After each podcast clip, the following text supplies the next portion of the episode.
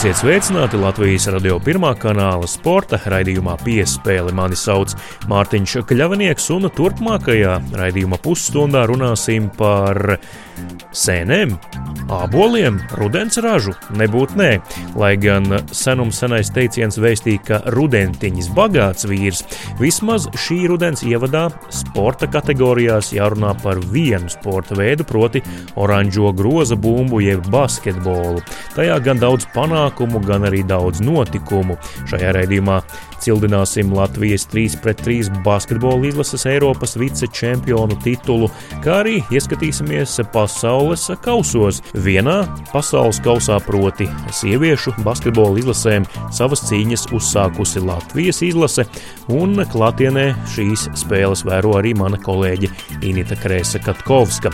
Savukārt Latvijas vīru basketbola izlase cenšas kvalificēties nākamā gada pasaules kausam. Runāsim gan par dāmu, gan vīru izlasēm, bet raidījuma otrajā daļā nedaudz atslodzēja saruna arī par autosportu. Bet tas viss jau pēc pavisam īsa brīža.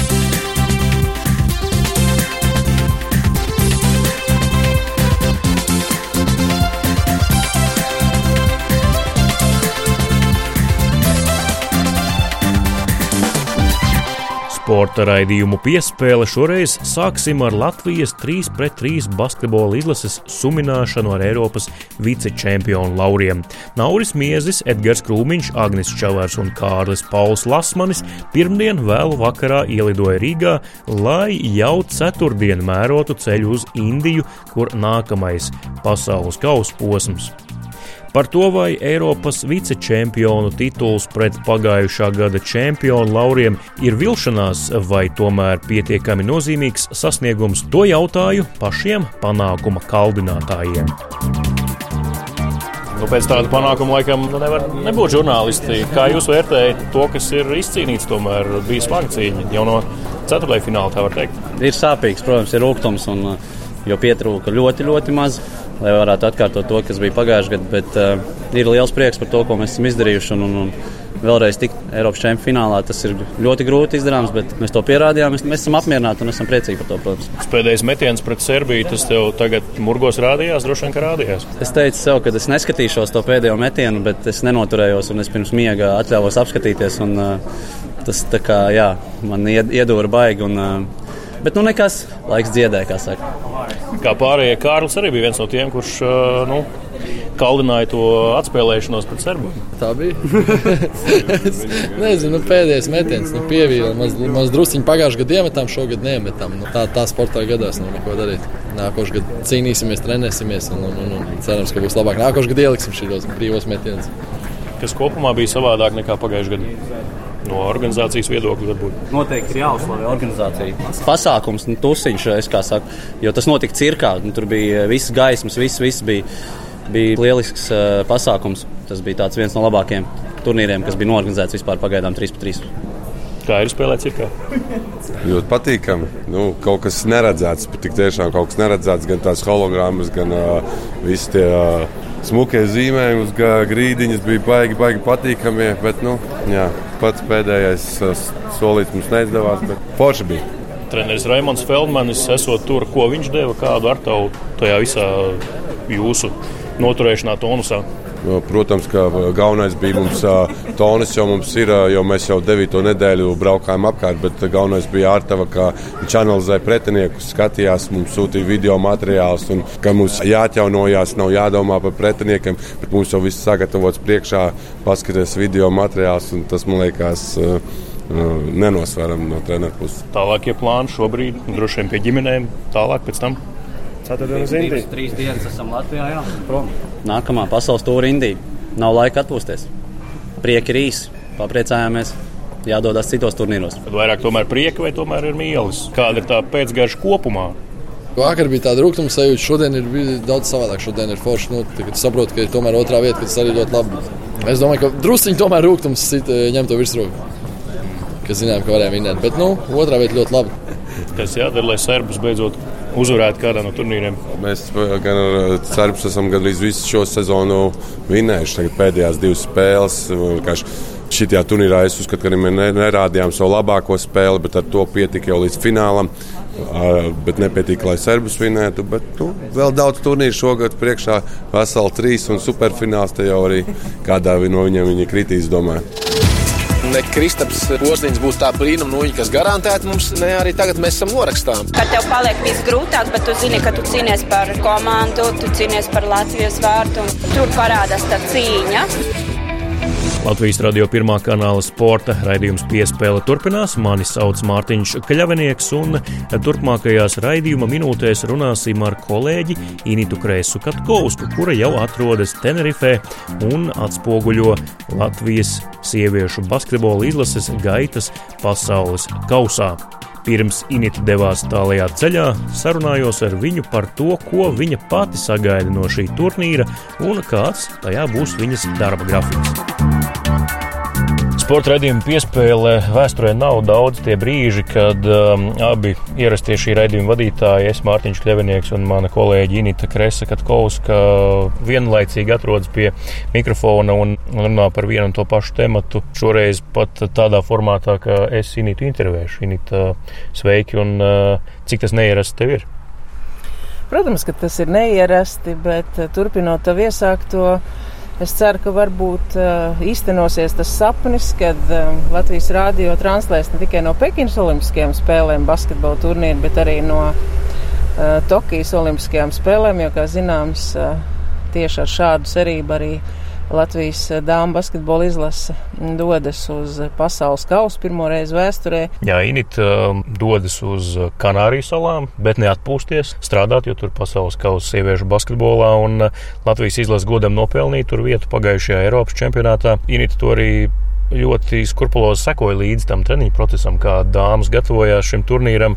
Nedaudz jau tu pieminēji to brīvo atmosfēru, kas vēl izceļās šajā gatavošanās posmā, jo tu tādas esi redzējis daudzas. Es domāju, ka šis eh, sagatavošanās posms eh, ir ļoti labi, plānveidīgi mm, izdomāts un realizēts. Arī tas, ka ir ļoti spēcīgi sāncenši pārbaudas turnīros.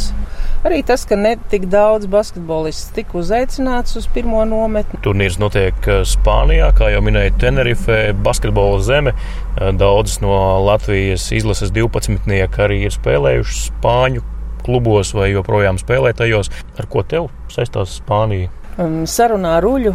Kā zināms, es arī esmu ar Uļu kopā spēlējusi un atceros tos laikus. Viņa bija praktiski viena no pirmajām vēl padomu laikos, kas tika pie šī ārzemju līguma Spāņu klubs Tintoretto.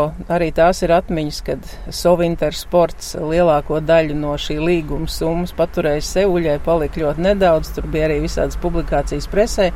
Arī tas, ka Uļa tieši Spānijā ir uzņemta šajā Eiropas slavas zālē.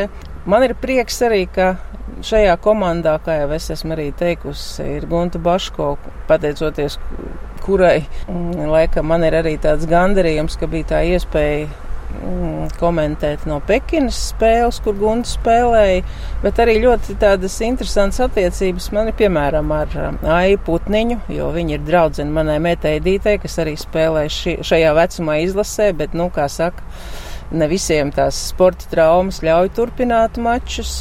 Arī ar Aiju Brumermanu, ar kuras māmu Ilza Šulc Brumermanu es spēlēju TTT komandā. Tā kā nu, tās uh, saistības ar komandu, kā saka, ir ļoti tuvas un, un ilgstošas joprojām. Runājot par uh, paudzēm un to maiņu, Gunta joprojām ir palikusi kā uzticīga karotāja šajā komandā no Pekinas sastāvā, Pekinas uh, spēles. To arī redzēja klātienē, un kā tur dāmas cīnījās daudz jaunu seju salīdzinājumā ar to turnīru pirms desmit gadiem, kas ir šīs paudzes raksturīgākās iezīmes, ko viņas uh, dod Latvijas izlasē? Man liekas, ka šī paudze ir ļoti inteliģenta, zina, ko var sportā panākt uh, strādājot, jo tagad ir visas iespējas. Uh, ļoti daudzas meitenes ir arī studējušas Amerikā. Arī tādēļ viņām nav, man liekas, tāda īpaša kompleksa gatavojoties mačam ar viņu turnīra galvenajām favorītēm. Arī vairāk kārt viņas ir teikušas, jā, ka amerikānietis ir slings aizsardzībā, to mēs arī no NBA turnīriem varam vērot, ka galvenais ir uzbrukt, un, kā jau es teicu, nu, basketbols ir ļoti vienkārši. Mēs metam triečus, lai viņas mēģina iemest divpunktniekus, un ar to arī viss būs izteikts. Un tas tā humorā, bet uh, Par šīs paudzes plusiem, nu, man liekas, ka meitenes ir individuāli spēcīgas, jo arī viņas pašas ir teikušas, ka un apzinās to, ka šajai izlasēji nav tādu īpašu superzvaigžņu, kā mums bija Anita Jēkabsona žogot Pekinā. Nu, praktiski tu viņai iedod bumbu, viņa no trījiem divus iemet. Un tomēr te arī ir tādas jau zvaigznītes parādījušās, varbūt es nesaukšu vārdos, tie, kas ir iegājuši mājaslapā sacensībās, tie jau redz, kura ir eh, ekspertu vērtējumā zvaigzne Latvijas komandā. Protams, būs arī eh, citas zvaigznes citās komandās, es vēlu, lai šī izlase izbauda spēles. Es vēlu, lai tas pirmais solīts izkļūšanas no, izkļūšana no grupas tomēr īstenotos. Sarunas noslēgumā varbūt pastāst, kāds būs tavs darba režīms tur Tenerifē, jo šobrīd, kad mūsu sarunas skan eterā, tu jau esi tur un vēro pirmās Latvijas izlases spēles. Tas nav atpūtas brauciens un pietiekams saspringts grafiks. Tas ir viss, ir jebkurš komandējums uz šādu turnīru. Mēs netranslēsim basketbola spēles, bet mēs mēģināsim uztvert visu, kas ir ap šo spēli, gan pirms, gan pēc mačiem, tās emocijas. Es zinu, ka ļoti daudz arī līdzjūtēji brauc, tātad līdzjūtēji gan vecāki, kas ir sekojuši līdzi, un tur ir dažādi piedzīvojumi arī, ka ir sadarējuši un lekuši strūklakās. Bet, protams, tas pamatdarbs ziņās ir intervijas no migas zonām tūdaļ pēc spēlēm, ar spēlētājiem, ar treneriem, arī ar ekspertiem. Veidosim uh, ziņu, sižetus, ko varēs dzirdēt Latvijas Rādio 1 kanālā. Kur, cik bieži, tas droši vien arī būs atkarīgs no tā, uh, cik pozitīvas būs emocijas. Jo tik līdz sāks zaudēt, tas vairs nevienu neinteresē. Jā, nu par zaudējumiem nerunāsim, lai tikai uzvaras un cerams ka sagaidīsim Initu mājās pēc iespējas vēlāk, septembrī izskaņā. Paldies, Init, un veiksmi darbā! Paldies, un klausāmies Latvijas Rādio 1. Viņš bija tāds motivators, ka es arī gribu būt tur, kur ir viņš un darīt to, ko viņš dara. Visiem spēlētājiem mēs ticam, gaidām, un, un vēl nekas nav beidzies. Vismaz viena spēle mums noteikti jā. Ja Latvijas sieviešu basketbola izlase jau cīnās pasaules kausā, tad vīru izlasēji šāda iespēja varētu būt nākamajā gadā. Pagaidām viņi aizvada šī turnīra kvalifikāciju. Pavisam nesen nospēlēti divi mači pret Spāniju un Sloveniju. Slovenija uzvarēta, Spāņiem zaudēts, un tagad nākamās spēles būs tikai vēlā rudenī. Pirms minētajiem mačiem pārbaudas spēlēs ar Somiju. Izlasē debitēja arī Arčuns Butjankovs, kurš Aleģis izcēlēs ar ļoti priekšzīmīgu treniņu plānu izpildi. Ar reizeknieti Arčumu Butjankovu pārunājām viņa pagājušā sezonas gaitas tālajā un latviešiem eksotiskajā Vladivostokā. Arčuns Butjankovs, nu jau Latvijas izlases spēlētājs, runāja Latvijas radio Arčuns. Mēs pirms diviem gadiem ar tevi runājām, tad tu eh, tikko biji pievienojies Liepājas lauvām ar cerībām attīstīt savu karjeru. Ka, laikam šie divi gadi ir vainagojušies panākumiem, kā tu vērtē? Nu, tas ir tikai būtu loģiski, ja es vēl savos gados progresētu un nu, mēģinātu sasniegt jaunus mērķus, jaunus izaicinājumus un mēģinātu pievērēt tos. Protams, ka liels gandarījums spēlēt par Latvijas izlasi. Neteikšu, ka tas nebija kaut kāds negaidīts un nebija, bija pārsteigums. Jo principā es uz to gāju un pārvaldes ciklā, kad eksperimentālais sastāvs tas, tas ir man liekas, ka normāli. Jā. Kā es esmu iekļauts kandidātos. Kā es Somijā drebēju, nedrebēju? Nebija tā, ne, nebija, nebija tā, ka man jau prasīja, vai man ir kaut kāds tur nezinu, tā kā pirmā spēle, tā kā viss jau tāds. Visi džeki pazīstami ir, es ar visiem daudziem esmu spēlējis kopā, un nebija tāds sajūta, ka kaut kas ir nereāls. Varbūt pret kaut kādu izlasi, kad Spāniju varbūt kaut kas būs, bet pagaidām izskatās, ka nebūs. Pagaidām. Laikam jau žēl, ka Žants nav šajā modelī vai nevis vairāk tev. Mēs arī sarakstījāmies, jā, viņš ir teicis, ka gribētu ar mani uzspēlēt laukumā izlasē kaut vienu roll. Tā kā Latgals tāds reizes uh, duets varētu būt, bet nu, es domāju, ka vēl paspēsim pagaidām. Ja viss būs kārtībā, tad paspēsim vēl. Rezumējot tavu karjeru kopš 2016. gada mūsu iepriekšējās sarunas, nu Liepā ir Liepā, bet Vladivostok, nu tas ir tāds nu, liels izaicinājums un arī liels nezināmais, nu ar ko tu tur saskāries īsti. Nu, brauc viņi laikam pa otru pusceļam. Daudzi saka, ka tā pilsēta neizskatoties pēc Krievijas pilsētas. Kā tur vispār bija sadzīve? Kāda? Nē, nu vispār Vladivostovs gads, kā profesionāls gads, viņš man bija izaicinājums arī, es, man vajadzēja pašam sev pierādīt, ka esmu gatavs spēlēt kā ārzemnieks. Kā pilsēta Vladivostok, jā, tas ir pavisam cita pasaule. Braucot uz turieni, zināju, ka tā ir laba pilsēta, smuka pilsēta, saulaina. Ka to 75 dienas no 90 vasarā ir saulains. Tas ir ļoti liels skaits, viens no lielākajiem Krievijā. Dažreiz pat tev palīdz, ka tev nav labākais garastāvoklis, tu piecēlies no rīta, tāpat saulīt spīd, vienalga, kas ir grādā ārā, bet tāpat saulīt vienmēr uzlabo to garastāvokli. Cilvēki, jā, ļoti daudz turistu, ļoti daudz korejiešu, ķīniešu un japāniešu, jo No Vladivostokas līdz uh, robežām sanāk, ka apmēram trīs robežas ir 200 km radiusā. Viss. Tāpēc mēs esam bijuši gan Korejā, gan aizlidojuši uz turnīru. Tāpēc tas ir pusstundu stundu lidojums. Un braucot tieši tāpat, kā tu saki, visi ar mašīnām, to labajā pusē stūri ir. Jā. Esmu jau pieredzējis, ka braucu ar taksi pārsvarā un ka jākāp visu laiku no kreisās puses. Tas ir normāli. Pats arī braucu pa turienes ielām vai neuzdrošinājies mēģināt? Nē, nē, nē mēs, mēs jau domājam, ka labāk nevajag ar savu mašīnu, tāpēc, ka tur ir, es nezinu pat kā latviešu saucās, tas ir, nu, tā kā kalnaina vide vienkārši viņiem ir, nav līdzenas vispār nekas. Tāpēc tur nevar centrā uzbūvēt nevienu veikalu normāli. Visi veikali ir ārpus centra, un kur lielāka plašums ir, jo centrā ir viss vis pilnīgi kalnains un reāli Visi ceļiņi ir tikai pa vienu joslu katrā virzienā. No līguma bija rakstīts, ka būs šofers. Šoferi viņi kaut kā izdomāja, ka viņi dos tur otram ārzemniekam. Un, uh, Es piekrītu nosacījumam, ka būs taksis. Tāpēc tas ir normāli. Jā. Par taksu pašam bija jāmaksā, vai tomēr? Nē, komanda? nē, visu, visu klubs maksā. Jā, tādā ziņā, ka tur organizācija un vispārējais uh, Vladivostokā bija ļoti augstā līmenī.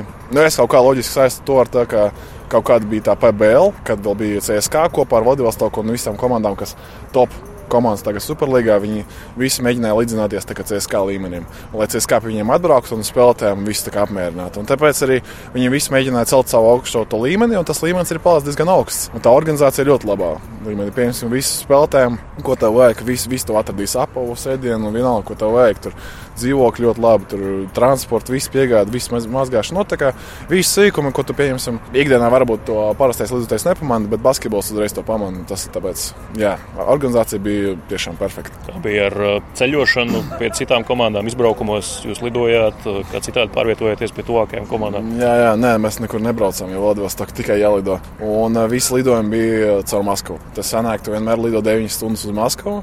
Un no Maskavas, ja tev vajag tālāk, kaut kur lido vēl vai nu 4, vai 3, vai 2 stundas vēl tālāk. Principā o, tas ir vienīgais, kas ir mīnus Vladivostokā, ka tie pārlidojumi tev atņem nenormāli daudz spēka un enerģiju. Un, uh, es biju morāli gatavs tam, es biju fiziski arī sagatavojies tam, bet sezonas beigām tāpat jau bija tā, ka jau baigi grūti bija. Sezonā sanāca apmēram 50 pāri pārlidojumu, un uz ķermeni, kā saka, vietējā tas ir divus gadus, un tās divas atņem reāli karjerā. Tā apmēram tas spēlē gadu, bet divi gadi. Nu, ļoti grūti tas ir. Jā. Tad, tad tām es nezinu, vai vispār var kaut kā sagatavoties. Kaut kā vietēji džekļi tur spēlē, bet no, nu, viņi tur raud katru gadu, kad grib prom. Bet, no, kaut kā viņi tur paliek. Vien, ka viss apmierina vispārējais, izņemot lidojumus, gan finansiālais, gan arī apstākļi, kas apkārt pakārtot viņiem. Nu, hokejā ir tā, ka tās komandas, kuras atrodas tālāk uh, austrumos, maksā vairāk, lai tur spēlētu, jo ir šīs grūtības. Vai tev arī bija tā, ka nu, līgums varbūt bija traknāks tikai tāpēc, ka šie lidojumi? Nu, tā varētu būt, ka tur bija jā, kaut kāda procenta lielāka, tāpēc, ka tas atrodas tālāk un pārlidojumi lielāki. Jā, jā, es domāju, ka šogad tur divas komandas Superligā, gan Sahalinā, gan Vladivostokā ir Un cik es dzirdēju pēc budžetiem, jā, nu, tas ir viena no stiprākajām komandām tur līgā. Un arī ļoti labas algas. Jā, man piedāvāja arī palikt tur, bet izvēlējos šogad, ka es gribu pamēģināt sevi VTB. Tāpēc VFS ir viena no tām iespējām. Bija arī citu VTB komandu piedāvājumu. Nu, nē, mēs gribējām, nu, tur bija kaut kādas sarunas, bet konkrēts līgums uz galda nebija. Tāpēc uh, mēs arī neparakstījām. Bija sarunas ar citām komandām, bet līdz galam nē, mēs izvērtējām un palikām pie UEFA. Mēs jau pieminējām, sarunā Žāni bez viņa neiztikt. Nu, es viņam, eh, kad viņš spēlēja Lietuvā pagājušajā sezonā, uzdevu jautājumu, kurš ir labākais reizeknieks profesionālajā basketbolā. Nu, viņš tā diezgan politiski korekti izvairījās no atbildes. Nē, es eh, varētu pateikt, kas par Ciprus. Lai vismaz ne Žānim, ne man, lai kas par Ciprus ir labākais. Nu, skaidrs, ka Žānim tagad ir Eirolīga un Žānis tagad ir citā līmenī līmenī uzspēlēs. Redzēsim, kā tas būs. Bet man, man vienmēr gribēs, man, mums ar viņu vienmēr ir tā, ka mēs abi atnācām uz Rīgu vienā laikā, un abi divi kā, apmēram, varbūt paralēli, ne kopā, tāpēc ka viņš ir gadu vecāks un arī pavisam, pavisam ceļā gāja. Ar veselības problēmu viņam un arī visam pārējiem. Bet nu, kā mēs paralēli vienmēr ejam un mēģinām arī uzmundrināt viens otru uz kaut kādiem, kā, nezinu, ja kādam ir kritums lejā, lai otrs nezinu, motivē viņu celties augšā un tur iet tālāk. Kā ir nu, tagad būt VF organizācijā, tu jau saprati ar būšanu Rīgā, trenēšanos šeit? Jā, jā nu es jau principā vasaru vienmēr pavadu Rīgā, tā kā trenējos ar aģentūru, ar treneriem, ar Raimondu Feldmani, ko nodrošina BA aģe, Rīgā aģentūra, Mārtiņš Lau, kur es stāvu priekšgalā. Un uh, es jau kuru gadu te palieku Rīgā, tāpēc nebija tā, ka kaut kas jauns Rīgā, un esmu vairāk, tā kā var teikt, tagad pēc šiem gadiem pilsētnieks nekā no laukiem. Piemēram, kaut kādam tur zaķim vai gražulim grūtāk ir Rīgā dzīvot. Man tas vairāk patīk nekā priekš manis pilsēta ir ideāla, jo daudz cilvēku man vairāk patīk nekā mazāk. Reizē, kad es atbraucu, priekš manis ir pa maz mazliet. VF, ja par VF runājot, VF ir arī ļoti labi apstākļi nodrošināt pagaidām, ko es esmu sastapies. VF vadība vienmēr, es domāju, ka nu, visi, visi zina, ka tur viss profesionāli notiek un Latvijas līmenī viss perfekti. Un arī salīdzinot ar Vladivostokku, arī līmenis ir diezgan augsts. Pagājušās sezonas izskaņā vismaz bija baumas, ka viņiem ir kaut kādas problēmas, auga aizturas, vai tas tev nebaida? Nē, nē, šogad es neesmu dzirdējis tās baumas, un, ja godīgi, kamēr pats man kāds konkrēti nepasaka, un arī pats nesastapos ar to, tāpēc es nevaru komentēt kaut ko tādu. Bet arī šis gads nebija tāds, ka es izvēlējos pieņemsim, finansiālo pusi.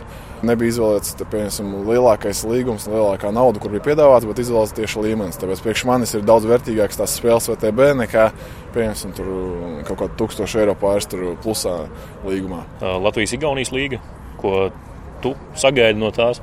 Tas kaut kas jauns, interesants. Es pagājušajā gadā dzirdēju, ka tā apvienoja visu Nu, varbūt tas ir mīnus, varētu būt mazliet tas braukšana, būs no liepājas, tie, kas dzīvo pie no Rīgas, nav tik traki. Varbūt. Vispār interesants. Es nezinu, kā būs izveidosies tas fināls. Es pat neesmu līdz galam iepazinies, kāds tas ir konteksts uh, playoffiem. Vai tas kopā vai atsevišķi, bet ja spēlēs tas komandas, kā piemēram Kalevs. Tur Vēfs, Vēnspils savā starpā. Tas vienmēr ir interesanti skatītājiem. Uz spēlēm, ja Kalevs brauks vairākas reizes uz Rīgā, tas ir, protams, patīkamāk vai uz Vēnspilu. Daudz skatītāju interesanti paskatīties, kā ir līmenis Igaunijā un Latvijā. Lau, nu, lai gan pēc gadiem tu neesi jaunākais, tomēr tu esi komandā jauniņais. Kā uzņēma Latvijas izlasē jauniņos? Nav jau tā, ka vajag tur kaut kas tā kā jauniņa uzņemt, tāpēc, ka es jau saku, ka viss džeks pazīst apmēram. Ar visiem esmu kaut kur uzspēlējis vai no Ventspilī vai no vēl kaut kur. Tāpēc uh, nav, nav tā. Mēs apmēram sanāk tā, ka pirmās treniņas sākām. Uh, visi tie četri cilvēki no VF, kas bijām, vienkārši aizgājām uz uh, citu ģērbtuvi. Vēl teikt, divus metrus pārgājām pāri Olimpiskajā centrā un vienkārši citā ģērbtuvē bijām. Tāpēc tā, ka baigi jaunies, tas nejūtos. Gedovšķina nav izlasē. es domāju, ka arī nebija nekad pirms tam. Tas ir ļoti pašsaprotami, kad Latvija sauc, tad tur nav variantu. Tu vienmēr saki, ka jā. Es cenšos ar katru spēli palikt labāks, katru spēli augt. Tad, kad jau ir uh, sezonas beigas un, un starpsezona, tad tu vari palikt vēl labāks spēlētājs. Jūs klausāties sporta raidījumu piespēle studijā es Mārtiņš Kļavinieks, bet nu galu galā visu pusstundu nevar aizpildīt tikai un vienīgi ar basketbolu. Tas būtu gan garlaicīgi, gan arī nogurdinoši. Tāpēc, lai nedaudz atsvaidzinātu emocijas un arī pievērstu jūsu uzmanību kādam citam sporta veidam, runāsim par autosportu. Raidījuma turpmākajās minūtēs kolēģis Māris Bergs sarunāsies ar autosacensību rīkotāju Raimondu Strokšu par nulekā biķernieku trasē aizvadīto pasaules un arī Eiropas rallija krosa čempionāta posmu, kā arī jau oktobra vidū gaidāmo rallija liepāju. Kopumā esat apmierināts ar to, kā izdevās norganizēt šī gada posmu biķerniekos? Pilnīgi noteikti viennozīmīgi. Šis ir labākais, ko mēs jebkad esam izdarījuši. Nu, mana kompānija ar autosporta pasākumu organizēšanu nodarbojas no 2008. gada. Un šis, es gribētu teikt, ir tāds highlights, augstākais punkts un labākais, ko mēs esam izdarījuši. Ko šogad paveicāt vairāk, labāk nekā iepriekšējos gados? Viss bija vēl nostrādātāks, visi mehānismi strādāja vēl labāk, vēl ieļotāk, un visi cilvēki bija savā pozīcijās labāki. Plus mums izdevās tas vecrīgs pasākums ļoti apjomīgs, ļoti liels, ļoti, ļoti punktuāls un kvalitatīvs. Un, un kopumā tas ļoti daudz piedeva sacensībai. Katrā ziņā katrā mazajā detaļā tika paspērts solis priekšu. Latvijas posms ir saņēmis balvu no Startautiskās automobīļu federācijas kā labākais posms rallija krosa sezonā. Kas mūsu posmu paceļ augstāk par citiem, citām valstīm, citiem organizatoriem? Cilvēku kaisli pret to, ko viņi dara. Nu, jūs neredzēsiet nevienā citā posmā tik daudz cilvēku, kas man te ir ārā, kas ir gatavi savu kreklu saplēst. Lai šeit būtu labākais pasākums. Jūs tādus cilvēkus nekur neredzēsiet. Ir ļoti labi redzama atšķirība starp to, Man ir viens kolēģis, kas arī piedalījies, jau paaicināts. Viņš ir bijis uz vairākiem citiem posmiem strādāt, un viņš man rāda tos salīdzinājumus, kā tur notiek vakar sapulces par to, kas vēl nav padarīts un kā notiek pie mums. Es varbūt sīkāk nestāstīšu, bet tās ir divas dažādas lietas. Un tas cilvēki, kas šeit strādā, ārā, kas šeit to visu veido, viņiem deg acis Lai organizētu Rallija Cross Rīgā, ir jāiegūst licenci no sacīkšu organizatoriem. Tas, ka šis posms ir atzīts par labāko, tas dod kaut kāds papildus trumpus tajās sarunās par licences noteikumiem. Protams, jā, jo mēs pirmajā gadā, kad vispār sākām pirmā saruna par to, tad mums tur bija jāpierāda un tur ārkārtīgi jāargumentē, kas tas ir, kāpēc mums to jāuztic un tā tālāk. Un tā tālāk. Tad šobrīd šeit vispār nav diskusija. Viņi grib mūs, viņi grib mūsu kalendārā, viņi grib daudz gadus, un mēs esam etalons. Visas pārējās sacensības valkās mums līdzi, uzlabo savas sacensības tikai dēļ tā, ka viņi redz, ka var būt labāk. Mēs esam vajadzīgi čempionātam. Par to nav diskusija vairs vispār. Pilnīgi nē. Viņi grib mūs un grib ilgtermiņā, un, un viņi liek mūs kā paraugu visiem. Sacīkstes parasti notiek septembra vidū, kad pie mums tas laiks mācās būt dažās. Pagājušajā nedēļā tas laiks bija ļoti vēss. Arī pagājušajā gadā laiks nebija pārāk labs priekš sacīkstēm. Pastāv iespēja, ka šīs sacīkstes varētu pārcelt teiksim, ātrāk vasarā, kaut kad, kad laiks ir siltāks vai tā vieta kalendārā ir akmenī kalta. Varētu jau droši vien varētu, bet šeit jāsaprot viena lieta, ka ja mēs ieejam ar to pasākumu vasarā, tad mēs konkurējam ar ārkārtīgi daudz pasākumiem. Nu, ļoti, ļoti daudz. Jūs varat vienkārši iegūglēt, cik šovasar notika pasākumi. Jūs sapratīsiet, ka uh, tas pat ir nevajadzīgi. Otra lieta, kas ir, kad viss inventārs, viss, kas mums ir jāīrē, kaut vai, piemēram, tas pašs tribīns, kas mums, mums ved no Vācijas, viņiem ir viena cena septembrī, viņiem ir pilnīgi cita vasarā, kad viņas vienkārši ir uz izķeršanu. Līdz ar to tam nav tikai tā objektīva tur uh, laika apstākļi vēl kaut kas. Mēs, mēs pat paši gribam būt septembrī, un septembris ir ļoti labs laiks. Un, un joprojām pietiekami silts. Un, uh, es gribētu teikt, ka mēs tur paliksim. Skatītāju interese par alīkrosu ir saglabājusies nemainīga augsta, vai tomēr tā dinamika ir mainīga? Dinamika ir ļoti mazmainīga. Viņa ir praktiski tāda pati. Jāatzīst, gan ir, kad pirmajā gadā, kad bija tas lielais hype un kad tā interese bija. Nu, kad, tad, respektīvi, kad mēs būvējam to interesi, būvējam trasi, bija ļoti daudz visādi sagatavošanās procedūru un tā tālāk. Un tā tālāk protams, tad bija vislielākais sprādziens. Plus, Tā tas ir iekārtots, kad arī tad, kad sacensība notiek pirmo reizi, ir ārkārtīgi daudzi interesanti, kas atbrauc tikai tāpēc, ka viņi notiek pirmo reizi, kur varbūt neatbrauc otrreiz. Es pats esmu braucis pagājušajā gadā uz Cape Town, uz Ameriku, tik tāpēc, ka tā bija pirmo reizi sacensība. Šogad viņi notiek otro reizi, es pat ne, neizskatu iespēju tur aizbraukt. Pirmais gads, protams, bija vislabākais, bet, nu, jāsaka tā, ka otrais, trešais gads ir ļoti līdzvērtīgs un tā interese ir ļoti, ļoti liela. Un es pat domāju tā, ka es to mēģinu cilvēkiem ļoti skaidrot un stāstīt, ka mūsu biļeti nav ļoti tādā cenā, tāpēc, vien, ka mēs te nezinām, nezinu, ko gribam noplēst no cilvēkiem. Mums nav tribīņu uz vietas, mums tās tribīņas ir jāīrē un jāuzbūvē. Tas veido pašizmaksas biļetē ļoti, ļoti augstu. Un, uh, ja mums būtu, teiksim, esošas tribīnes un cena lētāka, es pārliecināts, ka būtu daudz, daudz vairāk vēl cilvēku. Tā interese būtu vēl lielāka. Vienkārši šobrīd nu, ir, nav lēta biļete, es to ļoti labi apzinos. Bet tāpat laikā es gribu, lai cilvēki sēž krēsliņos, nevis stāv uz asfalta, neko neredz un viens aiz otru pakausīs skatā. Pievērsīsimies otriem lielajam autosporta pasākumam šoruden - Rallija Liepāja. Kā veicas ar darbiem tur Liepājas pusē? Tas viss notiek paralēli. Tas nav viegli, jo ir divi mega pasākumi vienlaicīgi, un uh, mums pat uh, daļa darbinieku ir sadalījusies, un mēs daļu strādājam uh, uz RX, daļu uz Liepāju.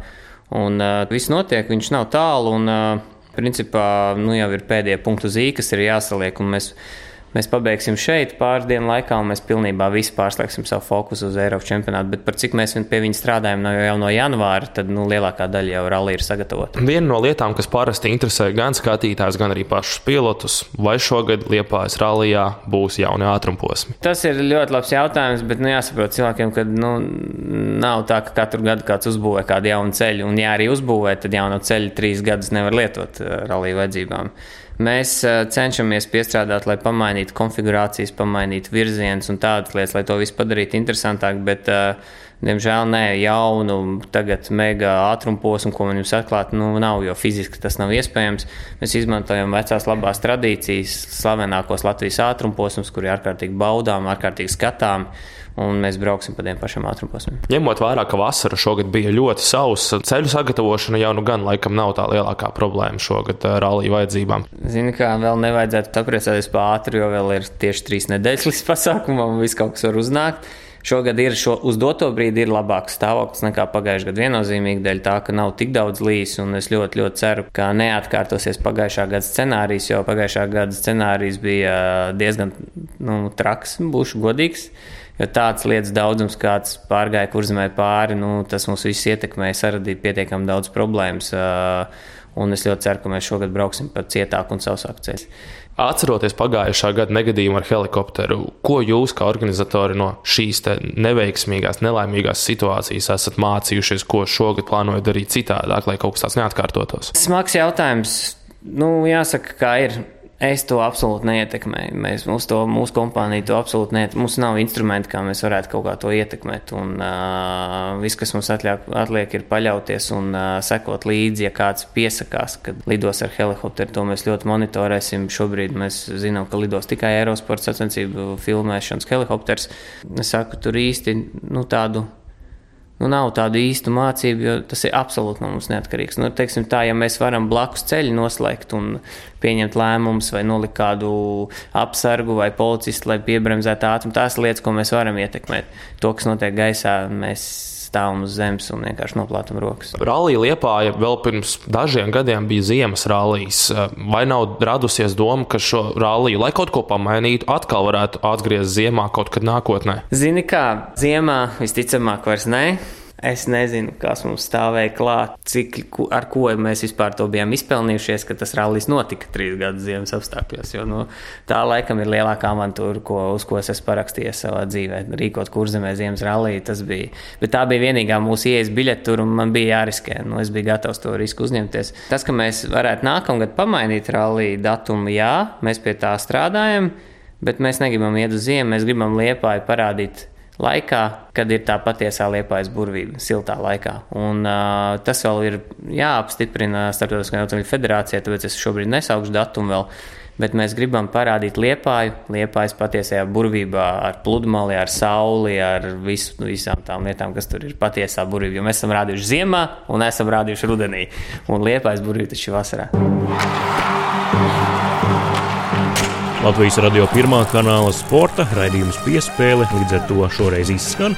Studijā biju es Mārtiņš Kļavinieks, bet par raidījuma labskaņu parūpējās Nora Mītspapa. Uz sadzirdēšanos jau pēc nedēļas.